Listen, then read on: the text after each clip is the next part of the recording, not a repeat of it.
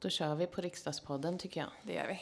Vi måste ju säga välkomna till något, annars så Precis. kan vi klippa in det sen. Men vi kör på den nu. Ja, vi det låtsas vi. att det är det. Ja, vi säger Ja, det. ja, Välkomna till bestämmer det. Riksdagspodden. Och jag är demokratisk socialism med stolthet och med glädje. kvar min grundtro på att det går att påverka samhället, det går att påverka utvecklingen. Medborgarnas krav kan tillgodoses endast av det starka samhället. Vilka är vi då? Ja, vi måste ju berätta vilka vi är. Precis. Ja, jag heter Eva Lind. Jag är riksdagsledamot i, för Socialdemokraterna från Östergötland. Bor i Linköping. Och jag heter Rika Nordin och jag är vikarierande riksdagsledamot för Socialdemokraterna i Östergötland från Åtvidaberg. Och Vi vill eh, göra den här podden för att vi tycker att det är så himla kul att prata politik, men också för att berätta om hur vi har det i vår vardag. Absolut, det är ju väldigt mycket fördomar om oss riksdagsledamöter och många eh, konspirationsteorier eller till och med lögner om oss. Så därför vill vi eh, såklart minska politikerföraktet och prata om hur vi har det här uppe.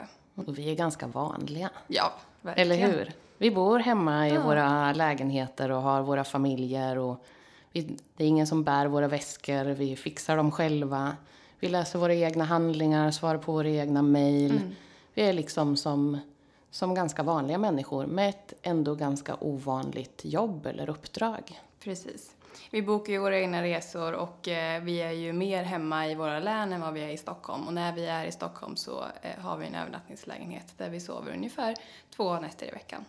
Så vi är väl verkligen vanligt folk. Ja, och det tänker jag känns viktigt att berätta faktiskt. För jag tycker också att jag kan... Ja, men jag känner att jag är stolt över det, för så är det ju inte överallt i, i Europa eller världen att, att vi har det på det sättet.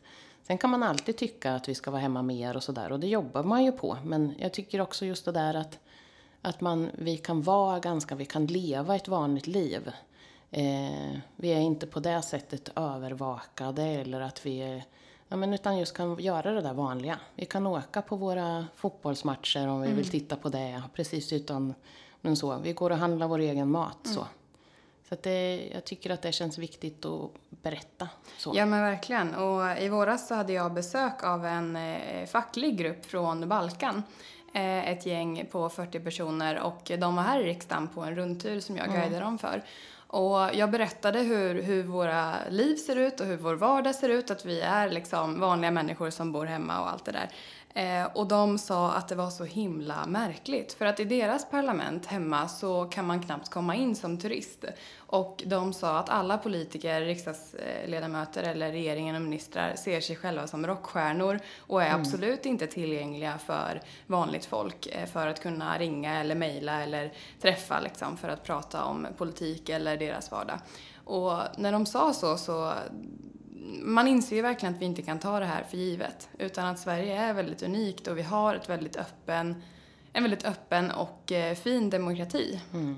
Självklart finns det brister men i jämförelse med många andra länder så är det här väldigt, väldigt eh, fint. Mm. Och det ska vi jobba på att bevara. Mm, verkligen. Eh, och det handlar ju om precis det som du var inne på, tänker jag. Att det, det handlar om demokrati. Att ska man ha en demokrati att, att prata om så handlar det både om att vi tar vårt uppdrag på allvar men också att det är möjligt att ta diskussioner och föra fram till oss också vad man tycker om det vi, det vi beslutar om eller framtida förslag. Så, så man kan höra av sig till oss. Det går Det ju att göra man. det. Man kan komma och besöka oss i riksdagen. Eh, så det är ju man välkommen till att göra. Absolut. Man kan ju ringa oss, man kan mejla oss, man kan be oss komma på en träff hemma i Östergötland eller någon annanstans i Sverige då vi har tillgång till att resa överallt. Eh, och ja, absolut, man kan verkligen komma hit och träffa oss och få en guidad rundtur eller bara prata om samhällsproblem som vi behöver lösa tillsammans. Och det är det som är så fint med eh, att vara ledamot, att kunna träffa människor och höra om deras problem också.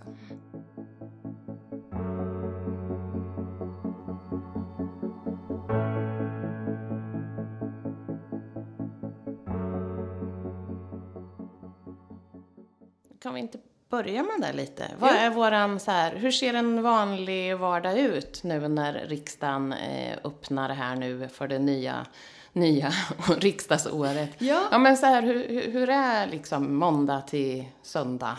Ja, det är ju någonting som många frågar oftast. För många tror att vi blir stockholmare när man kommer in i riksdagen. Att man bor här då och man är bara i Stockholm. Men så är det ju verkligen inte. Utan vi brukar ju säga att vi är hemma fredag till måndagar oftast. Eh, och vi är hemma i våra valkretsar just för att träffa människor, besöka företag eller göra andra studiebesök. Men också för att vara aktiva i våra arbetarekommuner eller i partiföreningen som man tillhör. Eh, och det handlar ju om att få förankring hemifrån där man har fått sitt förtroende och där de väljare finns där vi har röstat på. Mm. Eh, så mycket hemarbete. Men vad gör vi när vi är i Stockholm då? I Stockholm, det är ju då vi är på alla de här mötena och gör de här, också besök faktiskt. Vi kan göra studiebesök och sånt där också när vi är i Stockholm. Men eh, det är ju då vi ska vara här och ha våra utskottsmöten. Vi röstar om förslagen och eh, läser våra handlingar och allt så. Så det är då allt det där formella med vårt uppdrag ska ske, tisdag, onsdag, torsdag varje vecka. Och då kommer alla resandes från olika håll i landet, eh, norr till söder, och så träffas vi här och så då blir mycket utifrån det utskott man sitter i. De som bor en bit längre bort har en möjlighet att, eh, till, få tillgång till en övernattningslägenhet så att du inte ska behöva fara fram och tillbaka för de här dagarna är väldigt långa. Mm.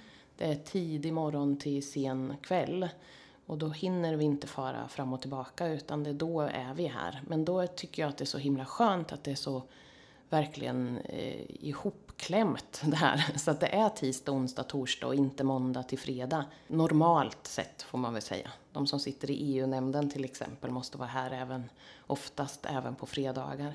Men just för att man får tid att åka mm. hem. Så på torsdagskvällen kan man bege sig hemåt mot Östergötland. Och då kan man också vara med på att träffa människor hemma. Mm. Och också göra det där vanliga som man gör hemma. Så. Handla, tvätta, diska, Ja, men precis. Ja. Läsa läxor med barnen ja. som man annars inte kan göra när man är i Stockholm. Mm. Ja men absolut och eh, alla ledamöter tillhör ju minst ett utskott var och då har vi oftast gruppmöten med våra partigrupper innan utskottsmötena och sen kommer utskotten på tisdagar och torsdagar och man vet ju aldrig hur lång tid de är. Ibland mm. är de fem minuter, ibland är de två timmar. Mm. Eh, så det är ju svårt ibland att planera sitt schema beroende på hur många möten man har och hur lång tid de tar. Mm. Eh, och sen så har vi voteringen när vi röstar i kammaren på onsdagar och torsdagar.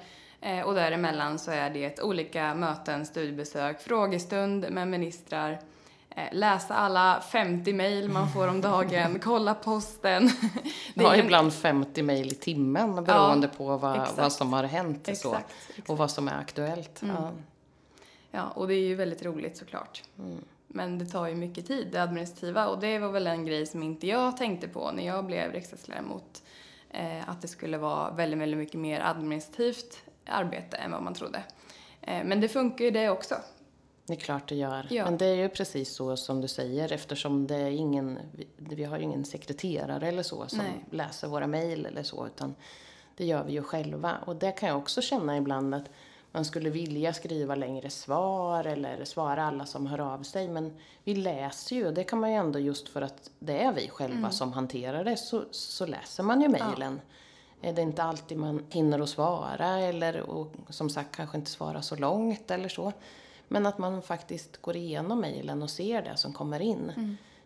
Och då finns ju den möjligheten. Men det går ju heller inte att tänka att man bara går på det som kommer in per, per mejl. För alla vet inte om den möjligheten och alla tar sig kanske inte den alltså, tar tag i det och sätter sig och skriver ett mejl. Det är just därför som jag tänker att det är viktigt att vi både har det, men också är ute och träffar människor och själva söker upp. Mm. Eh, funderar på så att man träffar människor från alla delar av samhället. För vi ska ju inte, även om vi representerar ett parti, naturligtvis och har med oss den ideologiska kraften och bakgrunden så, så det är viktigt att hela tiden uppdatera sig på vad, vad tänker, vad är viktigt för östgötarna, vad är viktigt i Sverige? Vad, vad, vad, är det som rör sig och hur uppfattar man också de förslag som vi tar fram? Mm. Så det är viktigt att ta med sig hela allt det där. Både läsa mejl och ringa och prata med folk men också söka upp och göra besök prata med människor. Absolut. Och vi får ju också väldigt mycket inbjudningar, vilket är väldigt roligt. Det kan ju vara allt ifrån debatter eller panelsamtal eller studiebesök eller bara ett lunchmöte liksom. Och det är också väldigt uppskattat att människor hör av sig och vill bjuda in oss. Eh, sen hinner ju inte vi gå på allting. Eh, man kan väl summera det som att varje dag eh, som riksdagsledamot är den andra olik. Eh, att det finns eh, väldigt få rutiner som är fasta för just varje dag utan vi, man vet aldrig vad som ska hända imorgon egentligen. Nej, Nej. också väldigt spännande. Ja, men det kräver ju också en del framförhållning. Eh, Det kräver ju också att man ska hålla koll på vad man ska göra för resor och vad man ska förbereda till varje möte eller samtal eller sådär. Eh, Så det är klart att, att det tar mycket tanketid också att förbereda sig på alla punkter i ens kalender. Och behöver ta det. Ja. Vi ska ju fatta kloka beslut. Exakt. och försöka vara så eftertänksamma som man nu kan. verkligen.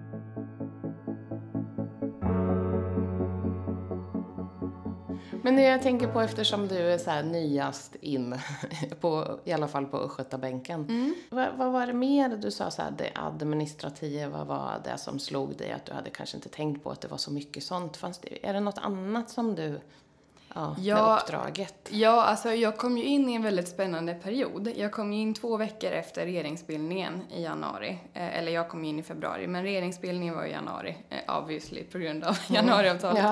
Ja. Eh, Så dels var det ju en väldigt eh, turbulent tid här inne i huset när många partier hade oklara positioner och eh, man visste inte riktigt vem som var i opposition och sådär. Så att eh, det politiska arbetet efter valet började ju precis då och då kom ju väldigt, väldigt mycket propositioner och mycket lagförslag eh, som jag var tvungen att sätta mig in i. Eh, jag fick ju också, eller jag har ju också pensioner som min, eh, mitt utskottsansvar eh, i S-gruppen. Eh, och det är ju också en sån här fråga som är konstig att syssla med när man är 24 år. Men också väldigt, väldigt lärorikt. Så jag skulle säga att det var en väldigt turbulent tid eh, politiskt, men det var också väldigt mycket i våras för att det var EU-valrörelse på gång och vi precis hade haft en valrörelse eh, bakom oss. Eh, så det var bara en väldigt intensiv period och det hade jag nog inte riktigt jag hade såklart räknat med att det skulle vara intensivt men just att det blev så mycket som det blev när det kom så mycket in i kalendern som jag inte hade förutspått så, så blev det nog väldigt, väldigt tufft liksom. Eh, så det var skönt med sommaruppehåll men jag tror att den här hösten kan bli ännu roligare faktiskt och lite mer mindre stressig. det är ingen valrörelse i alla fall. Nej, det Jo är men det är väl administrativa men också att eh, man hela tiden måste vara tillgänglig. Det är svårt att stänga av telefonen och vila en hel dag utan det är ju alltid någon som ringer och det är alltid några mejl som man verkligen måste svara på snabbt. Ja, för på det sättet har vi ju inte en arbetstid. Nej. Den pågår ju hela tiden. Exakt. Vi har egentligen, vi, ja, vi har veckor på sommaren när vi inte har en massa inbokat så vi kan Mm. göra saker. Men vi måste ju ändå vara tillgängliga och hålla koll på eh, mobilen Ja. eller svara i telefon och sådär. Därför att är det någonting så behöver vi finnas på plats. Så. Exakt. Vi måste ju också hålla koll på alla nyhetsflashar hela tiden, vilket kan vara ett störningsmoment om man försöker eh, slappna av en stund. Men när det händer någonting i Sverige eller Östergötland så behöver ju vi veta om detta ifall det är så att vi behöver kallas in till riksdagen. Och ändå har det här varit en ganska, det väl det, varit en ganska lugn sommar ändå. Ja. Ja. Ja, nej det blev ju ingen eh, klimattorka som förra året. Det som var främst på nyheterna var väl ASAP Rocky och Donald Trump Ja. som Stefan Löfven fick hantera, men det slapp vi. Ja. ja, men sommaren har varit lugn ja. ja. Det har inte varit på det sättet en massa saker som har hänt och sådär. Men jag tycker att för egen del måste jag ändå säga att jag tycker just precis som du säger, det har varit flera valrörelser nu under ett års tid. Det var väldigt skönt att få ha mycket tid med, med familj och nära och kära. Mm. Ja, men så verkligen. det var verkligen skönt för det, även, även vi behöver det. Och framförallt kanske vå- våra familjer och nära och kära också behöver ha oss nära. Ja, för ett klassiskt symptom när man är politiskt engagerad det är ju att engagemanget riktigt aldrig svalnar utan man är ju ständigt eh, på och vill saker och det är väldigt svårt att faktiskt tillåta sig själv att vara ledig för man har hela tiden kreativa idéer på vad man vill göra och vilka man borde träffa och vad man ska skriva om eller sådär. Det är svårt att pausa det här glödet skulle jag säga. Eh, och därför är det också svårt att vara ledig och man är ju man tar ju på sig väldigt mycket uppgifter. som ibland kan eh, ja, leda till att det blir korvstoppning i ens schema. Liksom.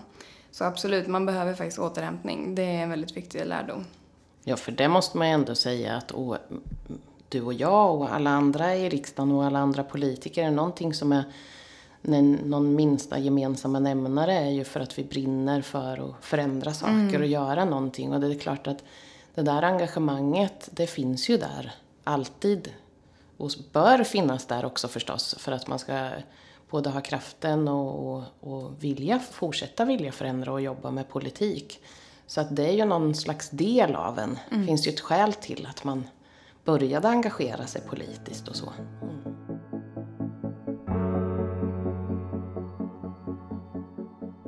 Vad var ditt skäl?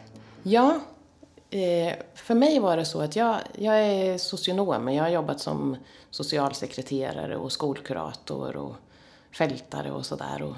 När jag började jobba med det, då såg jag ju verkligen hur mycket det spelar roll om man har jobb, om hur det ser ut i samhället, om man har, kan, få, kan vara trygg med att man får har, att man har mat på bordet och att man eh, kan eh, ta hand om sina barn och sådär. Så att jag kände att det gick liksom inte att bara nöja sig med att man jobbade som socialsekreterare. För mig kändes det som att det var så himla viktigt att vara med och påverka. Att påverka de här förutsättningarna för de människorna som jag jobbade med.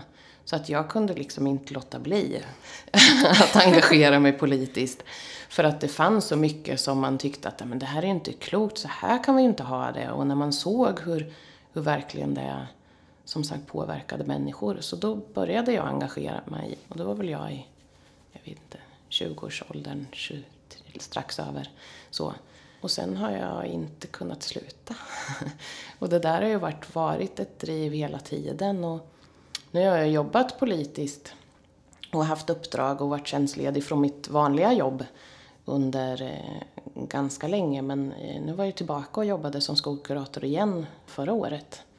Och då känner jag bara att ja, det är därför. Det är fortfarande så att det är viktigt om man ser förändringar, saker som faktiskt inte har förändrats till det bättre, som vi måste försöka göra någonting åt. Så det där är mitt driv.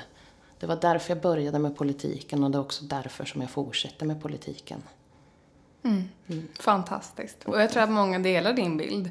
Att när man har liksom en yrkeserfarenhet och man eh, träffar människor och man ser de reella orättvisor som finns, att det faktiskt då det tänds en eld inom mm. sig för man brinner för förändring. Mm. mm. Du då? Nej men jag hade ju ingen yrkeserfarenhet när jag blev politiskt engagerad. Jag gick i nionde klass hemma på min högstadieskola i Åtvidaberg och jag blev kompisvärvad till SSU som då är Socialdemokraternas ungdomsförbund. Eh, och jag gick med direkt samma dag på det medlemsträffen som jag var inbjuden på. Eh, för att jag fick förklarat för mig vad SSU och socialdemokratin är för något och jag kunde identifiera mig direkt. Jag kände mig hemma. Och mycket handlar ju om värderingar. Ehm, och jag skulle säga att de främsta värderingar som har drivit mig till att faktiskt bli engagerad är väl att alla ska ha samma förutsättningar att nå eh, dit man vill i livet. Och det märktes väl under min uppväxt att mina föräldrar hade inte samma förutsättningar att hjälpa mig med läxorna hemma som min kompis Emmas föräldrar hade för att de var akademiker. Eh, och det är väl sånt som sätter spår i, i barns skolgång när man inte får samma eh, rätt till hjälp eh, för alla elever. Eh, så den vetskapen om att det är så, att jag själv har blivit utsatt för det, eller att jag själv har haft den vardagen gör väl att eh, jag ser orättvisor och verkligen vill förändra dem. Eh, och i mitt vanliga liv så studerar jag till gymnasielärare och det är väl också en av anledningarna till varför jag vill bli lärare just för att kunna se till att varje unge får en bra skolgång liksom, som ska vara rättvis och jämlik. Mm. Så det är väl grundtesen till mitt engagemang. Men under åren i SSU och i S-studenter och nu i partiet så finns det väl en annan drivkraft och det är väl just eh, ilskan mot orättvisor. Eh, och framförallt eh, rasism och eh, kvinnofientlighet, främlingsfientlighet. Att, att just de starka krafterna i samhället gör mig förbannad. Och där kommer en väldigt stark drivkraft till att mota bort allt sånt. Ja, men det är väl något sånt där, för jag tänk, det är så många som har just den där. Jag, jag tyckte jag såg det väldigt tydligt när jag var, när jag var 11 så flyttade jag från, jag är uppvuxen i ett område som eh, Eh, som heter Skäggetorp eh, i Linköping. Och eh, där eh, var det många som hade svårigheter i skolan och hade inte alltid en trygg, alltså hemma, tryggt hemma och sådär. Och det var ju min vardag och mitt liv då. Och sen när jag var 11 så flyttade vi till en annan stadsdel. Och det var sån otroligt stor skillnad. Det var verkligen så här, nästan som att flytta till en helt annan värld. Och det kändes ju inne på bara huden och verkligen så tydligt. Så man ser det. Jag har också sett det när jag har jobbat som, som socionom. Eh, speciellt som skolkurator när man möter men barn från, och ungdomar från så väldigt mo många skilda miljöer. Att det är så olika saker man, man brottas med som ung. Mm. Eh, och det där måste vi se. Att vi inte bara... Det är självklart att vi ska utjämna jämlikheter, alltså ojämlikheter så att det blir mer jämlikt och att man får eh, ungefär samma villkor för att utveckla sig och, och, och, få tillgång på de där. Alla barn har ju mm. någonting som de är bra på. Men vi är inte alltid så bra på att lyfta fram det. Men det är också så att de barnen som kanske man ser kommer från de väl etablerade familjen har ju också svårigheter. Så att vi behöver göra så mycket olika saker. Verkligen. Alla barn ska kunna drömma, sa ju Stefan Löfven i tal mm. en gång. Och jag tyckte att det var så himla... Ja, men det var en så himla bra beskrivning över eh, vårt samhällsideal som vi vill uppnå. Liksom. Att alla barn ska ha rätt att drömma om en framtid som eh, ger framtidstro och trygghet och jämlikhet. Eh, men om vi misslyckas med det så eh, kommer ju ojämlikheten växa fram ännu mer och det är ju absolut en av de största orättvisor vi har. Mm. Verkligen. Mm. Men både du och jag har ju också värderingarna hemifrån. Mm. Eh, ja, jag kommer i alla fall från en arbetarklass, eh, från en bruksort i södra Östergötland och mina föräldrar har väl alltid varit socialdemokrater men aldrig riktigt eh, uppmanats till mm. något politiskt engagemang eller sådär. Det är klart att vi kollade på nyheterna hemma och eh, hade koll på vad som hände i Sverige men det var inte riktigt så att, att det fanns en naturlig ingång till politiken. Eh, ingen annan i min släkt har engagerat sig utan jag är väl den första isbrytaren så liksom. Eh, men det kändes ändå väldigt naturligt att faktiskt vara med. Mm. Och du också har ju värderingarna hemifrån. Absolut, det diskuterades ju väldigt mycket politik mm. hemma hos mig. Och även eh, mina föräldrar var inte heller politiskt aktiva när jag var, när jag var yngre. Så. Eh, min pappa jobbade som ombudsman inom Handels, en facklig organisation. Så det fanns ju också mycket så värderingsfrågor och, och ett stort engagemang. Det är ju det som, som jag har sett, att min pappa hade ett jättestort engagemang för sitt jobb och de frågorna han jobbade med. Eh, sen, eh, som sagt, så diskuterades det mycket och jag har gått i första maj-demonstrationstågen eh, när jag var yngre och sådär och lyssnade så, men det fanns ju inte heller det där att det måste du. Eh, så att jag var aldrig med i SSU, i ungdoms, vår ungdomsorganisation. Men jag gick ju med när jag läste sen på när jag hade gjort min praktik och sådär när jag gjorde, när jag gick på universitetet och utbildade mig till socionom. Så det var mitt... Eh, men det är klart att det blir och jag tror att det där är viktigt att inte att man säger till sina barn vad de ska tycka, utan just att det diskuteras politik och att man får med sig värderingar och funderingar över vad som är rätt och fel. Så, eh, så det, tror jag att, det tror jag man har med sig, alltid. Det sitter liksom i benmärgen tror jag. Mm. Att det är självklart för oss att tycka som vi gör även mm. om vi självklart ändrar åsikt väldigt mm. ofta om saker och ting. Men just ideologin och huvudvärderingarna är ju väldigt, väldigt svårt att eh, bryta skulle jag mm. säga. Mm. Man känner ju i kroppen när någonting är fel och mm. precis som man känner när det är någonting är väldigt rätt. Den demokratiska socialismen är en revolt den sakernas ordning som dömer de ojämförligt flesta att stanna i växandet och kväva sina bästa stämningars längtan.